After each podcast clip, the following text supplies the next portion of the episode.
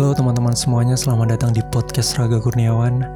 By the way, terima kasih buat kalian yang mau nge-DM dan pengen dengerin podcast ini secara langsung. Jujur rasanya masih belum pede buat nge-share secara publik. Jadi ya udah, aku putuskan buat membagikan secara personal. Harapannya sih orang-orang yang udah nge-DM ini adalah orang-orang yang emang pengen dengerin podcast aku. Ya seenggaknya kayak gak random people gitu yang pertama kali mau dengerin kan malu juga gitu kan kalau didengerin sama orang-orang yang emang udah ahli di bidang podcast. Mungkin satu atau dua episode lagi lah, baru aku share secara publik. Dan di satu sisi juga aku masih bingung juga buat namain podcast ini apa. Cuman emang udah ada kepikiran satu nama. Karena emang sesuai dengan tujuan podcast ini dibuat. Selain sebagai sarana aku buat bercerita, jadi podcast ini dibuat adalah untuk menjawab beberapa DM yang masuk. Karena ah, ya lumayan banyak ya kalau pilih bilang banyak juga nggak banyak-banyak juga. Cuman mungkin ada satu dua DM yang kadang-kadang suka surhat atau misal ngajak sharing tentang sesuatu entah tentang hubungannya tentang kehidupan atau semacamnya. Ya sekedar sharing lah. Toh aku juga nggak ahli dalam bidang-bidang tersebut. Cuman aku menyampaikan emang berdasarkan dari pengalaman hidupku sendiri. Jadi kayaknya untuk pertama ini kita perkenalan dulu Perkenalkan nama aku Raga. Mungkin kalau di sosmed nama aku Raga KRNWN yang kepanjangannya itu adalah Raga Kurniawan. Tapi sebenarnya nama aku cuma Raga.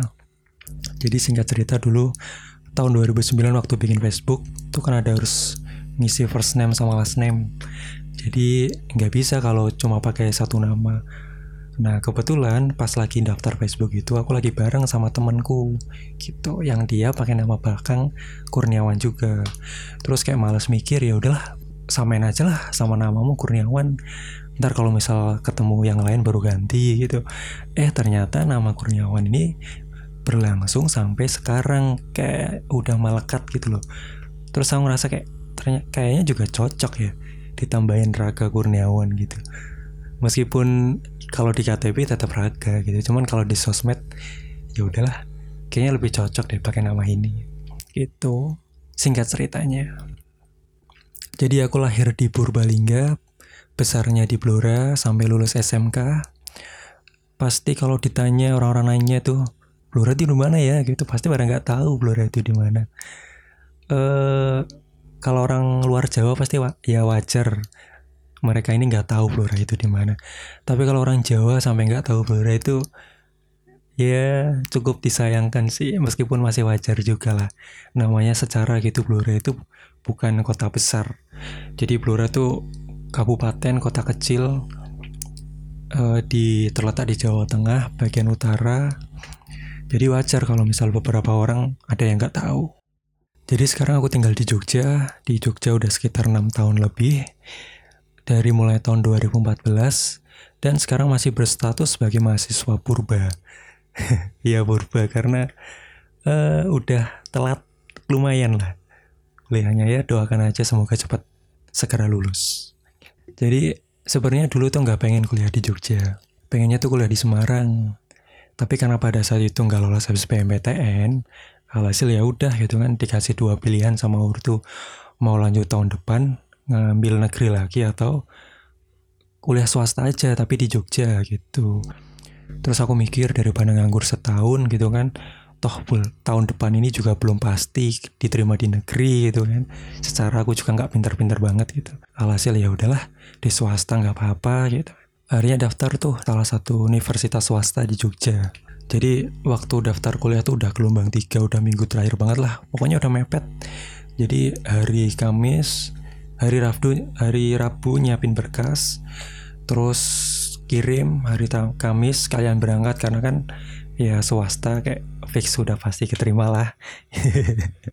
Ya terus ya udah keterima hari Kamis datang ke Jogja terus hari Jumatnya daftar ulang sekalian nyari kos. Nyari kos sudah susah banget tuh karena kan udah hampir mau masuk kuliah ya. Jadi hari Minggu tuh udah technical meeting buat ospek gitu. Tapi kalau di kampusku namanya P P2K program pengenalan kampus. Jadi cuma udah nyari kos kos pertama bersyukur banget langsung dapet. Yang menjadi kos aku sampai sekarang nggak pernah pindah karena emang nyaman gitu. Jadi singkat cerita hari minggu tuh udah mulai technical meeting. Terus hari Senin udah mulai P2K atau spek itu selama seminggu. Bayangin coba selama seminggu tuh nggak ngerti Jogja keadaan siang itu gimana luarnya gitu kosan keadaan siang tuh gimana. Karena berangkat gelap pulang juga udah gelap. Jadi nggak tahu kehidupan siang hari itu kayak gimana di luar di luar kampus gitu. Tahunya cuma di dalam kampus gitu. ya begitulah cerita singkat kenapa aku bisa di Jogja di kota istimewa yang gak aku harapkan sebelumnya tapi malah menjadi kota yang sekarang aku syukuri setelahnya. Ya dari Jogja aku jadi dapat teman-teman baru teman-teman yang asik hobi yang sama suka traveling. Jadi awal semester dulu tuh masih sering-seringnya traveling tuh sampai feed Instagram isinya tuh foto-foto jalan-jalan semua. Dulu kan masih ngetren tuh kayak ngetak tempat lokasi wisata di mana terus direpost sama akun-akun explore Jogja lah wonderful Jogja gitu. Dulu masih rajin-rajinnya gitu bikin konten wisata gitu. Ya bukan konten juga sih sebenarnya karena didasari hobi juga ya. Jadi nggak ngejar fotonya lah yang penting uh, kepuasan hati buat menikmati alam yang ada di Jogja. Jadi selama di Jogja ini juga udah pastinya banyak pengalaman lah dari yang membahagiakan dan menyedihkan juga gitu. Ya salah satunya kota ini telah menjadi saksi tentang patah hati yang akhirnya balik ke Twitter lagi untuk menulis. Ya jadi tahun 2018 aku pernah bener-bener patah hati gitu. Sampai kayak nggak ngerti lagi harus ngapain gitu. Akhirnya pelariannya ke mana lagi kalau bukan ke Twitter gitu.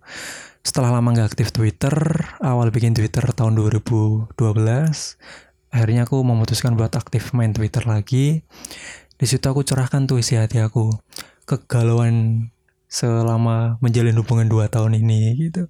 Nah di situ ternyata banyak yang suka sama tulisanku ini banyak yang merasa terwakili gitu kan. Ternyata memang benar gitu. Di balik dalamnya rasa sakit hati yang kita terima selalu menyimpan hal baik setelahnya gitu. Dari yang tadinya galau cuma rebahan di kasur jadi ketawa-ketawa ngeliat tweet-tweet receh gitu. Uh, jadi punya kesibukan nulis bikin kata-kata mencurahkan segala keresahan selama ini selama dua tahun ini. Dari situ banyak yang suka akhirnya kesedihan ini tuh mulai berkurang seiring berjalannya waktu jadi aku merasa menemukan oh ternyata bahagia aku di sini ya ternyata kesenangan aku tuh di sini nah terus di waktu yang sama di tahun 2018 kalau nggak salah bulan sekitar bulan November Nah di situ Mas Ali Susanto itu bikin konten yang namanya Biru Jomblo. Kalau nggak salah awal-awalnya di bulan-bulan itu ya. Nah itu aku tertarik tuh apa nih awalnya ngira gitu. Oh ternyata tweet-tweet nyari jodoh kayaknya seru gitu. Terus aku iseng tuh ikutan. Pertama ikutan sepi lah. Ya namanya juga nggak good looking gitu kan kalah sama orang-orang yang lebih glowing. Gitu minggu kedua aku ikut lagi. Masih sepi. Pas minggu ketiga aku coba ikut tapi uh, dengan caption yang lucu dengan caption yang puitis. Terus aku nyoba kalau sekarang tuh istilahnya JB-JB nyoba JB-JB ke semua uh, orang-orang yang ikutan biru jomblo aku JB-JBin semua yang cewek. Nah ternyata responnya tuh positif juga gitu. Karena kalau menurut aku aku ketika JB-JB itu eh, nggak uh, biasa gitu. Mungkin kata-katanya unik kali ya. Kalau orang lain kan mungkin sekedar memuji gitu. Tapi kalau aku tuh selalu menemukan celah agar sepikanku ini uh, dibalas sama si orang-orang yang ikutan biru jomblo gitu jadi dari situ mulai terkenal lagi follower mulai bertambah. Malahan dari situ malah dikenal dari kalangan cowok-cowok gitu karena wah nih si mas ini nih selalu ikutan biru jomblo nih. Ke mana nih minggu ini kok nggak ikutan? Jadi kalau aku nggak ikutan dicari-cari ditakin gitu. Kayak jadi idola buat para cowok gitu malahan.